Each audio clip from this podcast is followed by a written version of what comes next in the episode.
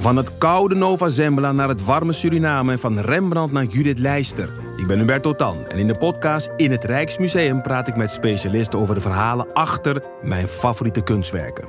Nieuwsgierig? Beluister nu de nieuwe afleveringen.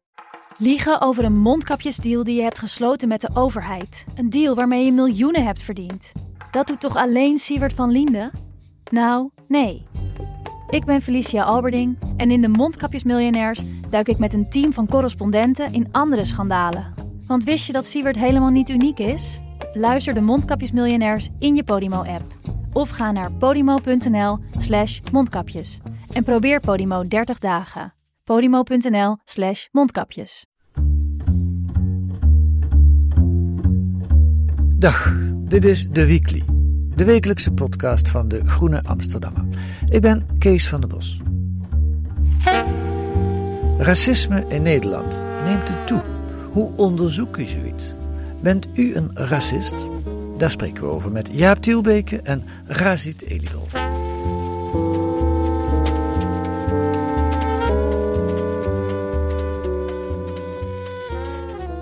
Razit Elibol en Jaap Tielbeke, welkom. Dankjewel. Drie artikelen verschenen er net afgelopen jaar van jullie hand over racisme. En er zit er nog eentje aan te komen. En er komt een groene avond aan in Pakhuis De Zwijger, waar we nu ook zitten. Opvallend is dat het alle drie onderzoeksartikelen zijn. Dus geen opiniestukken over racisme. Maar jullie proberen in kaart te brengen hoe, het, hoe racistisch we zijn. Nou, laten we eens kijken wat dat oplevert. Ik lees de conclusie voor van één van die stukken. Wie de cijfers en de statistieken bekijkt, kan er niet omheen. Nederland is best wel racistisch. Uh, dat best wel staat tussen aanhalingstekens, Rashid. Waarom is dat? Nou, omdat het, uh, in het, het is een quote uit het verhaal. We hebben voor het verhaal, uh, zoals je zei, we hebben onderzoek gedaan. Ja. Maar we hebben ook met mensen gesproken. Een van die mensen die we hebben gesproken is hoogleraar Halle Gorashi van de VU. Ja. En haar conclusie was, en dat is helemaal in het begin van het verhaal, op onze vraag hoe racistisch is Nederland nou, zegt zij best wel. En we dachten dat ze mooi, uit, uh, uh, mooi uitsmijt voor het verhaal. Ja, ja, ja. Maar wat jou betreft zou dat best wel er wel tussenuit kunnen, of niet? Uh, nou ja, wat mij betreft kunnen inderdaad de aanhalingstekens wel weg. Ja, ja, ja. ja. Ik bedoel, als je, als je die verhalen leest, als je alle cijfers achter elkaar zet, onder elkaar zet, kom je inderdaad tot de conclusie dat er nog veel werk aan de winkel is. Ja. Jaap, waarom begonnen jullie aan dit onderzoek? Nou ja, het racisme-debat in Nederland is eigenlijk de afgelopen jaren wel een beetje losgebarsten. Dat kwam mede door de antiracisme-beweging, natuurlijk de Zwarte Pieten-discussie. Uh, ook het boek van Gloria Wekker, Witte Onschuld, wat enorm veel uh, losmaakte. Ook veel uh, stevige tegenreactie teweegbracht. En ik kwam, nou, ik denk dat het inmiddels alweer anderhalf jaar geleden is, of misschien zelfs al twee, een stuk tegen in de Boston Globe uh, van het fameuze Spotlight Team, het uh, bekroonde onderzoeksteam van onderzoeksjournalisten. Jij leest die krant altijd? Uh, nee, maar dit stuk kwam ik toevallig tegen. En ja. wat zij hadden gedaan, dat ging over racisme in Boston. Wat ze hadden gedaan is, het was een beetje zo'n, ja mythe of iets wat vaak herhaald was dat uh, Boston de meest racistische stad van Amerika ja. uh, zou zijn. Ja. En toen zijn ze eigenlijk gaan kijken, oké, okay, is dat zo en hoe kunnen we dat onderzoeken? Ja. En zijn zij eigenlijk met een hele ja, omvangrijke methode uh, te werk gegaan om echt empirisch te kijken van um, ja, hoe groot is die ongelijkheid tussen verschillende etnische groepen nou? Dus ze hebben gekeken naar vermogen, inkomens, ook gewoon ja, hoeveel plekken in de publieke ruimte, hoe, uh, hoe vaak komen er zwarte Amerikanen bijvoorbeeld in musea of zitten ze in toppositie van besturen en dergelijke. Ze hebben ook geprobeerd, net als jullie, dat gaan we daar nog uitgebreid bespreken, met data te Ja, exact. Nee, dat, dat was dus ook echt het, het, het vernieuwende aan dat stuk, vond ik. En uh, het leek me een hele mooie methode om ook dat racisme dat in Nederland, nou ja, om naar een nieuwe uh, kijk op te bieden, om echt meer met data empirisch te werk gegaan. Dus ja, om te weg, te, weg te blijven van de, van de meningen en van, ja. doe, heel vaak als je, als je hier een verhaal over leest in een krant of in een blad, ja. kan heel vaak de tegenreactie zijn: ja, oké, okay, maar ja, dat, dat vind jij, dat is jouw mening. Ja. En we dachten, het is misschien een keer goed om eens te kijken achter de mening en uh, kijk wat de cijfers, cijfers zeggen. Ja. ja. Nee, dat vind ik ook wel bijzonder aan jullie uh, aanpak. Laten we uh, het eerste artikel wat je hebt geschreven, dat is maart vorig jaar, als ik me goed herinner. Dat kwam meteen in het NOS-journaal van die dag. Laten we daar even naar luisteren.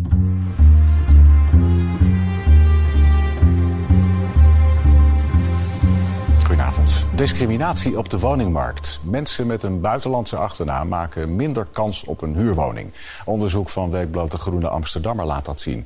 Verhuurders en makelaars discrimineren. Na de geboorte van hun dochter zoeken Abby en zijn vriendin een groter huurhuis. Maar hoeveel mails die ook stuurt, het lukt maar niet. Het is. Uh... Het is vernederend. Uit onderzoek van de Groene Amsterdammer blijkt dat makelaars en verhuurders discrimineren. Twee van hun journalisten doen zich voor als verhuurder. Een beetje gek, maar uh, liever niet dat er uh, allochtonen in mijn woning zitten. Zijn het allemaal eisen waar jullie gewoon rekening mee kunnen houden? Ja hoor, ja kijk dan uh, moeten we even kijken. Uh, de allochtonen kunnen we natuurlijk niet vermelden. Dus nee, nee, dat begrijp ik niet. Maar dat, daar, zullen we wel, daar kunnen we wel rekening mee houden. Ja, ja hoor. Van de 50 makelaars die de journalisten bellen, werken er 46 mee aan de discriminatie.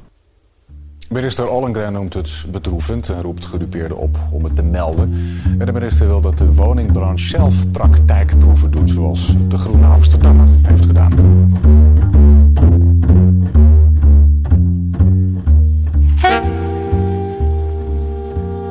Zo, dat is leuk voor een journalist, het NOS Journaal. Ja? Absoluut. Nee, dat was hartstikke mooi. En het, ja, het interessante eraan is, wij zijn dus eigenlijk gaan kijken uh, naar welke cijfers er al waren. Uh, we zijn ook bij het SCP langs geweest, rapporten bestudeerd. En toen kwamen we erachter dat er op één vlak eigenlijk nog nauwelijks data was, namelijk discriminatie op de woningmarkt. De arbeidsmarkt is regelmatig onderzoek naar gedaan, maar ja. woningsmarkt, woningmarkt konden we nog niet uh, direct vinden. Dus toen, ja, dat was voor ons iets van, nou, dat moeten we zelf de, de mouwen maar opstropen. En zijn we zelf mails gaan versturen en, en, en uh, makelaars gaan bellen. Uh, ja. Ook eigenlijk volgens diezelfde methode die onderzoekers van het SCP op de arbeidsmarkt hebben gehanteerd. Ja, en ik onderbreek even, de conclusies waren niet mals, zoals ook in dat fragment te horen was. Uh, Rashid, verbaasden ja. jullie die wat er gebeurde of had je dit wel aanzien komen? Nee, we waren echt. De grap is dus dat we eigenlijk dit onderzoek hadden gedaan voor een grote verhaal. We wilden eigenlijk gewoon, net als uh, dat uh, Spotlight team van de Boston Globe, wilden we eigenlijk op alle basisvoorzieningen, zeg maar, wilden we onderzoek de cijfers presenteren. En we zagen dus wat Jaap zei, dus dat op de woningmarkt nog niet was gedaan. Dat gaan we zelf bellen. Maar we waren echt zo geschokt dat we dit als los verhaal hebben gebracht. Want eigenlijk was het dus helemaal niet de bedoeling dat we dit, ja. dat dit een los verhaal staat. Maar het was volgens mij de eerste ja, keer dat we belden, toen keken we elkaar aan van oké, okay, nou goed, kan gebeuren. Tweede keer, oké. Okay. En toen we vijf of zes keer hadden gebeld, hadden we nog geen één keer gehoord dat uh, de, uh, dat, dat, dat, dat de makelaar niet wilde meewerken aan een uh, Moest discriminerend eerst ook, uh, nou ja, nog, tegen het einde toen nog steeds, maar echt wel een beetje moed aanpraten. Het is ja. natuurlijk een heel raar, ongemakkelijk ja. telefoontje om te ja. plegen. Maar het was inderdaad echt verbazingwekkend hoe makkelijk uh, makelaars ermee gingen. En ze zeiden ook gewoon van dat dat geen uh, ongewoon verzoek was. Of in ieder geval, ze, ze leken er zelf ook niet door verrast. en we kregen zelf vaak te horen dat dat wel vaker voorkwam duidelijk een vinger op de zere plek. Bij de arbeidsmarkt was het nog niet zo lang geleden ook al een soort onderzoek wat toen ook al schokkend was. Dat je mm -hmm. zelfs, je kon beter een strafblad hebben dan dat je Mohamed of Rashid uh, ja, uh, heette. Ja. Uh, dat was toen ook ontluisterend. Hè? Ja. Um, Oké, okay, voor jullie tweede artikel zijn jullie in de rapporten gedoken. Dat behelst een verslag van allerlei onderzoeken van het Sociaal Cultureel Planbureau aan universiteiten. Nou, waar niet allemaal. De conclusie in dat artikel is dat 35 jaar na de eerste minderhedennota, 1983, moeten we vaststellen dat er van de mooie doelstellingen die in die nota beschreven staan, een gelijkwaardige plaats en volwaardige ontplooiingskansen voor Nederlanders met een migratieachtergrond, weinig terecht is gekomen. Jullie conclusies zijn niet mals. De openbaar bestuur blijft een wit bastion. Uh, wordt gediscrimineerd op de woning- en de arbeidsmarkt en in het onderwijs achtergesteld. Um, Weet je wat mij opviel? Ik heb voor dit gesprek het multiculturele drama van Paul Scheffer uit 2000 nog eens nagelezen. Ja. Dat zal jullie ook niet onbekend voorkomen. En de kern van dat stuk is eigenlijk precies hetzelfde. Is dat zo? Ja, de kern is het multiculturele drama. Waarom gaat het een drama worden? En zijn uh, analyse is omdat het helemaal fout loopt ja. met die multiculturele, met de ontplooiingskansen en de mogelijkheden voor uh, mensen met het grappige is wel, en dat komt eigenlijk in ons laatste verhaal, dus het derde verhaal heel erg naar voren, dat ik denk dat je dat essay van Scheffer heel erg kan aanwijzen als een omslagpunt in hoe we over de multiculturele samenleving zijn na gaan denken. Ja, tot die tijd was het eigenlijk een feest van de multiculturaliteit. Nou, het, was heel erg, het was heel erg gericht op uh, em emancipatie. Ja. Dus ook heel erg veel oog voor de sociaal-economische positie, waar wij in dat tweede onderzoek dus ook oog voor hebben gehad. Kansenongelijkheid op de Ja. arbeidsmarkt, Ja. inkomenspositie, vermogenspositie.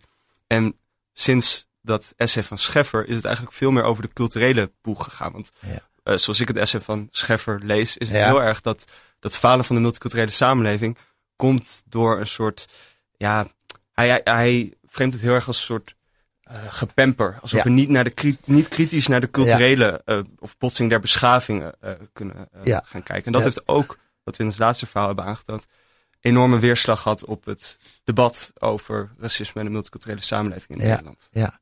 En wat vind je er eigenlijk van, die kritiek op dat gepemper? Klopte die op dat moment? Denk je, ja, je bent jong. Hoe oud ben je eigenlijk? Ik ben naar 29. Ja, dus, dus- eh, dus- tegen de tijd dat Scheffer zijn essay schreef. ik denk niet dat ik hem destijds eh, Gelezen. heb gelezen. Nee. Maar ik heb hem. eh, nee, je weet Nee. natuurlijk dat dat een belangrijk omslagpunt is. Ja. Ehm, En ik denk eigenlijk dat dat. En dat is ook heel erg de conclusie of de, de strekking van het derde verhaal. Dat het ook heel schadelijk is geweest voor de manier waarop we daar eh, over praten. Doordat we heel erg door die geneigd zijn door die culturele lens te gaan kijken. En daar hebben natuurlijk opeenvolgende politici als Bolkestein, Fortuyn en Wilders nu eh, zijn ook via die lens de multiculturele samenleving eh, blijven bekritiseren. En hebben eigenlijk weinig oog gehad voor die sociaal-economische positie Ja. daarachter. Ja. Dus ik denk dat het ook ja, in die zin ook best wel eh, schadelijk is geweest. Ja.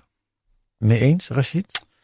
Ja, zeker. Maar eh, eh, om terug te komen op jouw vraag. Je vroeg aan Jaap of hij het eens is met of er toen misschien te veel gepamperd is.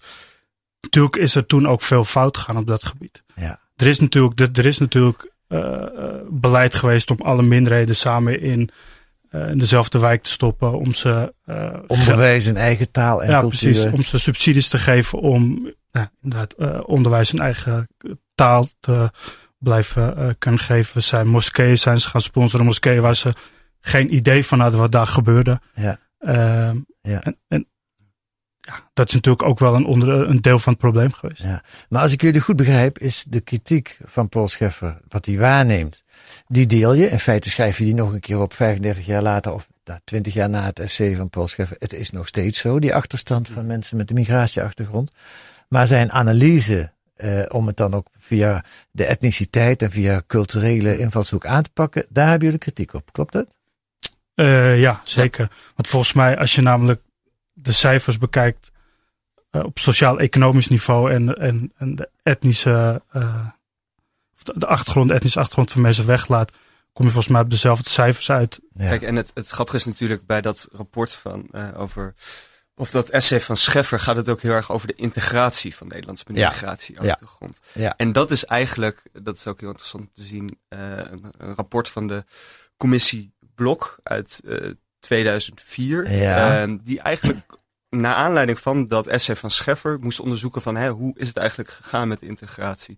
eh, ook van tweede generatie, of Nederlands met een migratieachtergrond van tweede generatie. En die commissie kwam eigenlijk tot de conclusie dat ondanks dat er enorm veel is aan te merken op het overheidsbeleid, het eigenlijk best eh, voortvarend gaat dat er enorme eh, sprongen zijn gemaakt. Ik geloof dat, er ex- dat er echt de letterlijke conclusie was eh, dat, er, ja, dat het behoorlijk goed ging met de allochtonen. Doe ik even een, een citaat, omdat dat woord toen nog veel werd gebruikt. Ja. Dat het eigenlijk een positief verhaal was. En dat was geen welkome boodschap Nee, dat in, was de, het in de hè? Kamer. Ja, dat mocht eigenlijk niet gezegd worden. Nee, omdat iedereen nog in dat frame van, van Scheffer zat. Van Ja. er is te veel gepamperd. eh de multiculturele Ja. samenleving is uitgelopen op een drama. En daar kwam echt die commissie Blok die zei... Nou ja, zo, eh, zo belabberd gaat het helemaal niet. eh, Nee. Als je kijkt naar de, de, ja, de enorme vooruitgang. Ja. eh, die, Maar- Maar nu komen jullie weer. En dan kan je eigenlijk zeggen, als ik die artikelen lees, ja, zo belabberd gaat het eigenlijk wel. Want op alle fronten hebben de mensen met een migratieachterstand nog, eh migratieachtergrond, sorry, hebben enorme achterstanden. Dus het gaat wel zo belabberd. Nou ja, volgens mij moet je ook concluderen dat er nu, zeg maar, de generaties die er nu aankomen, die zijn steeds eh, hoger opgeleid. Ehm, en en dat, dat, maakt, dat, dat maakt ons stuk misschien ook wel, eh, triest, of in ieder geval niet echt. Uh, ja, want je ziet dat in de cijfers nog niet terug. Hè? Je ziet wel dat ze steeds hoger zijn opgeleid, maar je ziet aan de andere kant ook dat uh, jongeren met een migratieachtergrond veel vaker werkloos zijn. Ja. Dus, Ja. dus de, dus de uh, ik schoollijn loopt wel op, alleen qua werk lopen ze nog achter. denk- en bij ons gaat het heel erg over die kansenongelijkheid. Ja. In plaats van dat het eh, te maken zou hebben met het falen van de integratie van die groepen zelf. Dat moet je uitleggen. Wat is het verschil? Nou ja, het, het verschil is inderdaad eigenlijk het voorbeeld wat jij net geeft. Dat eh, je als Nederlander met een migratieachtergrond nog zo fantastische cijfers eh, kunt halen eh, op de universiteit. En dan vervolgens naar de Zuidas bij een advocatenkantoor wil gaan werken.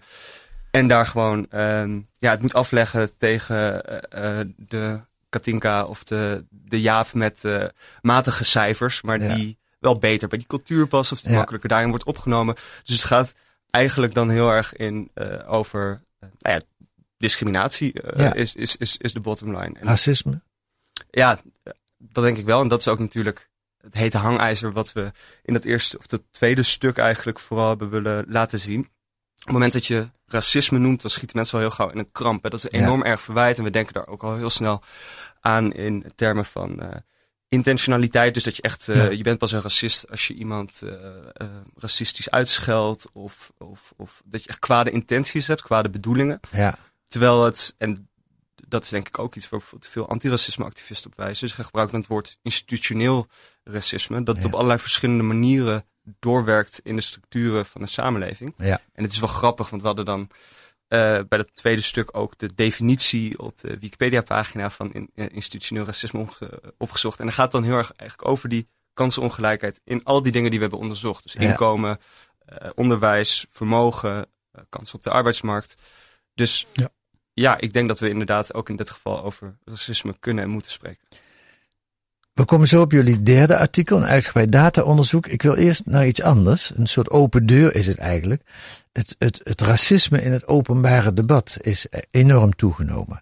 Ehm, en dat wil ik illustreren aan de hand van een eh, aantal fragmenten van Hans Janmaat. eh, van de Centrum Democraten in de jaren tachtig.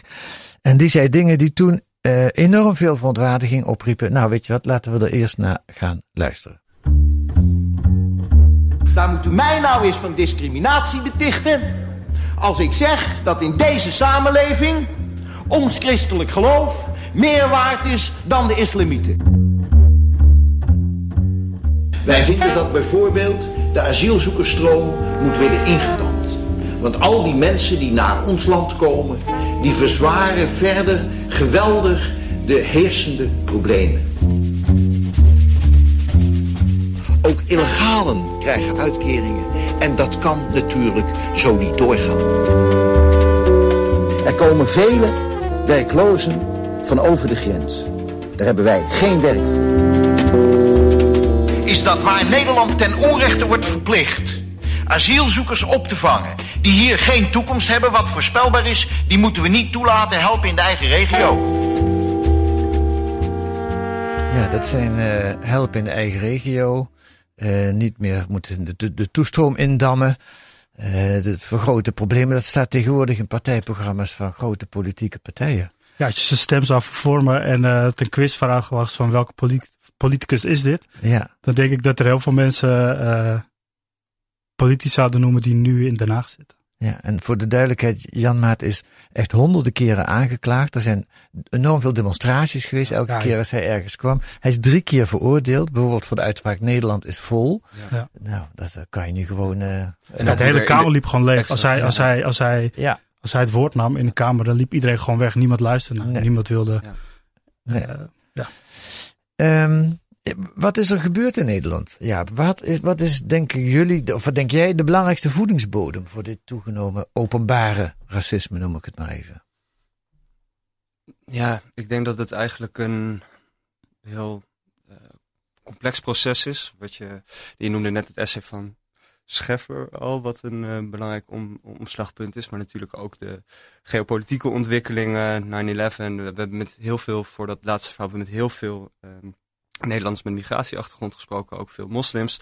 En die wijzen ook allemaal eh, 9-11 aan als een enorm eh, omslagpunt in de manier waarop er eh, vooral over de islam en in het verlengde daarvan eh, asielzoekers, vluchtelingen Ja. eh, wordt gesproken. En ik denk dat je over het algemeen kan zeggen dat het hele politieke debat in Nederland, stukje bij beetje, als het gaat om dit soort onderwerpen, nou, rechts is opgeschoven. Ik weet niet of dat het goede woord is, maar in ieder geval dat xenofobie langzaamaan uh, genormaliseerd uh, wordt. En Ja. dat we steeds minder geschokt zijn uh, door dit soort uitspraken, zoals we dat uh, in de tijd van Jan Maat nog wel waren.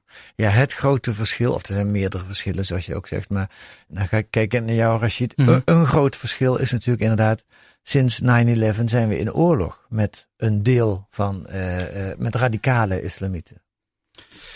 Dat, dat, is, eh, dat is zeker een belangrijk as- aspect van eh, het feit waar we, zeg maar, als je kijkt waar we nu zijn. En daar liep tegelijk mee zo, het, het rare frame van dat alles maar gezegd moest worden. Ja. Alles mocht maar gezegd worden en alles. Ja. eh, Sterker nog, als je niet zei wat je ervan vond, Ja. dan was je een slapjanus. Dan was je een thee drinken. Ja, even Ja. wegkijken. Ja, dan, dan keek ja. je weg. Maar het was een reactie op wat Paul Scheffer aan de orde heeft gesteld. Dat daarvoor mocht je niks zeggen. Mhm. En, en, eh, mocht je ook niet iets zeggen als, als Marokkaanse jongens vervelend waren. Was, je, was jij vervelend als je daar de vinger op Ja, het is ook wel heel grappig om het, het debat in Nederland te vergelijken met andere Europese eh, landen. We spraken een onderzoek, eh Ineke van der Valk, die had eh, in de jaren negentig het debat in Frankrijk vergeleken met Nederland. Mhm. In Nederland is natuurlijk altijd een debatcultuur geweest wat gericht is op consensus. En daar kon je niet ver van afwijken. Ja. Dus je had eerst inderdaad die eh, consensus die bestond. En ik denk Ja. dat Bolkestein ook een niet te onderschatten belangrijk figuur is geweest die expliciet ook brak met die ehm, consensus en die in de lijn eh, van Scheffer verder ging doorvoeren. Het, het zag als een botsing van de beschavingen waarbij Ja. de islamitische cultuur op gespannen voet stond met de westerse cultuur. Bolkestein was toen leider van de VVD, Van de VVD, in Nederland. Ja, exact. En ehm, wat er in plaats van dat er, zoals in Frankrijk gebeurde, dat er heftig tegengeluid kwam van andere hoeken, dus meer de links- of antiracisme hoek, die het dan weerwoord gaven, is eigenlijk die consensus omgeslagen. Mhm. Waarin zeker op het eh, debat over cultuur en multiculturele samenleving, ja, dat een soort het nieuwe normaal is geworden. Ja. Dat Ja. zie je trouwens ook in, eh, in het onderzoek wat we hebben gedaan in de data-onderzoeken. Daar wil ik naartoe. Jullie laatste onderzoek, tenminste eh, op dit moment dat we dit opnemen, jullie laatste onderzoek. Ja. Dat is een ontzettend uitgebreid data-onderzoek. Vertel even kort, hoe kom je op dat idee? Wat heb je gedaan en hoe kwam je op dat idee? Rashid, ik kijk naar jou. Eh, nou, het was eigenlijk een logisch vervolg voor de twee verhalen die we hiervoor al hadden gemaakt.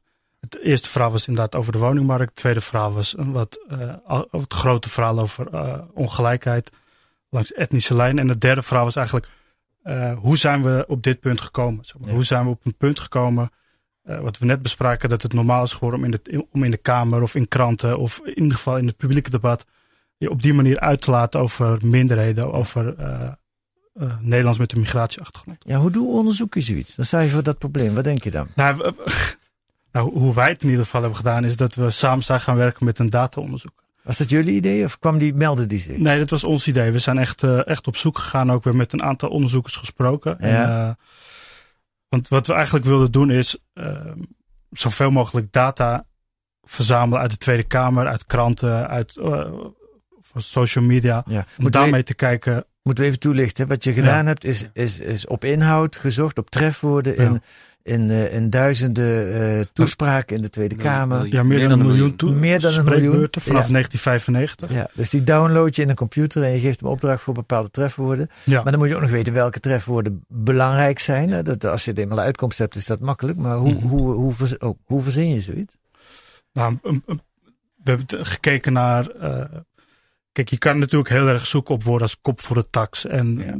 alleen, we hebben juist expres gekeken naar woorden die al heel lang in het debat worden gebezigd. Hmm. En de, de meer algemene termen, zeg maar. En Hm. dan kan je in kaart brengen, in ieder geval met de methode die die datajournalist Ja. gebruikt, kan je in kaart brengen in wat voor context er over die woorden wordt Want jullie hebben iemand in de arm genomen die dat Ja. voor Ja, jullie daar hebben we ook heel veel eh, met hem overlegd van hè, wat, is nou, wat zijn nou de woorden die logisch zijn en op wat voor manier.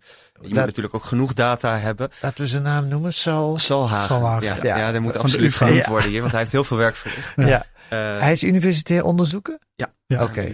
Oké. Ja. Die heb je erbij gehaald en die zei dat kan ik wel doen. Ja, dus hij heeft bijvoorbeeld ehm, nou, een woord als eh, islam. Dan kan hij in die enorme databestanden kan hij gaan kijken welke woorden staan daar nou omheen. Mhm. Eh, dus eh, En, en, en hoe is dat verschoven Ja. door de jaren heen? Is dat geloof met islam? Exact, wat dus het dat zie je is? heel erg Ja. dat in de jaren negentig eh, vaak in één adem werd genoemd met levensbeschouwing, religie. En daarna vervolgens eh, politiek komt heel duidelijk naar voren, maar ook het woord radicaal wordt Ja. heel vaak omheen genoemd. Ja. En als je dat dan op zoveel data ziet, dan zie je daar, eh, analyseert, dan kan je daar echt wel een trend in aanwijzen. Tegelijkertijd, denk ik, wat ook in jullie stuk verwoord wordt door Philip Remarque van de Volkskrant. Ja.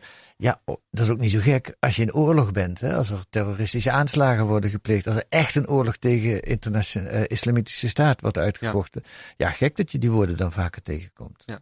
Nee, dus het is ook, heeft ook absoluut te maken met de geopolitieke eh, context. Alleen ik denk wel dat je ook oog moet hebben voor op het moment dat dat een bepaalde eenzijdigheid heeft, op een bepaald frame heeft, wat voor een doorwerking dat heeft op het ehm, klimaat in Nederland. Namelijk? En, en nou ja, dat komt dus heel duidelijk naar voren in eh, veel van de Nederlandse moslims die we hebben Ja, in de gesprekken die we hebben gehad. Ja, dus dat er heel erg ehm, die aanslagen, ook in die tak van de eh, extremistische islam, die dat soort aanslagen voorstaat en heeft gepleegd, eenzelfigd wordt met de islam. Ja, dat ja. er alleen nog, de islam alleen nog in die context wordt genoemd. Dus dan worden scholieren met de hoofddoek gevraagd van, goh, wat vind jij nou van eh. IS? Eh. Terwijl, ja, weet je, dat is scholieren die haar geloof beleidt. En dan moet zij zich ineens rekenschap eh, af gaan leggen voor zo'n regime met zulke gruweldaden. Ja. En dat heeft wel, denk ik, nou ja, ook enorme gevolgen voor. Ja. Dat is ook cijfers die je ziet.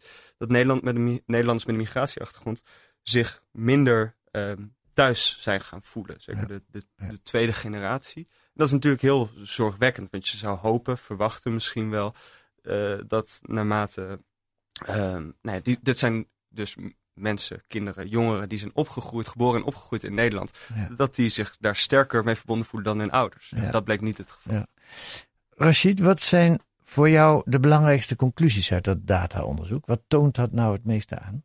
Uit het laatste onderzoek Ja? of gewoon de... nee, nee, eh, het laatste onderzoek Nou, het is, het, is het, laat, het is voor mij vooral een verklaring voor hoe we. eh, wat Jaap zegt net inderdaad terecht, dat uit die onderzoeken blijkt dat de, dat de derde generatie, tweede generatie zich minder thuis voelt in Nederland dan de ouders. Ja. En als je deze cijfers ziet, dan begrijp je wel hoe dat komt. Omdat er zo over je gesproken Ja, wordt. In de politiek, in het openbare debat. Ja, precies. Ja. Bedoel, ik ben nog van een generatie die nog redelijk, ik ben 34, dus net, eh, net daarvoor eigenlijk een beetje eh, in de puberteit gekomen. Maar het was wel in een tijd dat, het- dat het niet echt ging Ja. over mijn afkomst, over, ik bedoel, ik ben niet gelovig, maar goed, eh, mijn ouders komen uit Turkije, maar daar ging, het- daar ging het niet echt Nee, om. nee, Dat was nee. niet echt een punt of zo. Nee. Terwijl die jongeren die nu opgroeien, eh, ja, die moeten zich verantwoorden voor niet alleen wat ze zelf doen, maar ook wat mensen doen waar ze zelf ook niet achter staan. Weet je wat mij aan deed denken? Ik ben wat ouder, ik ben 66. En ik herinner me nog de jaren 70, waarbij ik als linkse student altijd moest uitleggen dat de Bader-Meinhof groepen niet, Hm. mijn, niet mijn club was. Ja. Dat je li- linkse partijen stemde en linkse kritiek had, maar dat dat niet betekent dat je... da- daar moest ik heel erg aan Mhm. denken. Dat nu, nu moet elke moslim in Nederland, moet dat eerst, of nu is dat al, de hitte is er misschien niet meer zo als toen vlak Mhm. na die Mhm. aanslagen. Maar toch, dat, daar moet je je steeds van distancieren. Wat als gevolg heeft dat je er meer bij gaat horen trouwens. Want als je de hele tijd daarop aangevallen wordt, dan ga je denken, ja, sodemie erop. Hè. Meer bij het extremistische Ja, kamp. eh, Ja, dus Ja. zo werkt het bij mij, bij ons Ja. in die tijd. Je wordt er radicaler van als je zo de hele tijd aangesproken wordt. geradicaliseerd? Nou, het feit dat ik hier terecht gekomen ben, mag een antwoord zijn op die vraag. Ja, maar dat is ook wel, ik bedoel, eh, tuurlijk zijn die cijfers zijn niet om vrolijk van te worden, alleen er is nu ook wel een nieuwe generatie opgestaan die wel een plek opeist, die op plekken komt, eh, die zich opwerkt naar plekken waarin ze voorheen niet eh, kwamen. Dus eh, laten we afsluiten met een, eh, met een Nee, absoluut. positieve noot. Ja, Dat, stemt gewoon heel hoopvol. Nou, dat is een mooi einde. Rashid Elibul en Jaap Tielbeke, hartstikke bedankt. 6 mei is er eh, in eh, Pakhuis de Zwijger een groene live over jullie onderzoek naar racisme. En er zit dus nog een vierde artikel aan te komen over Philomena Asset, alledaags racisme. Dankjewel.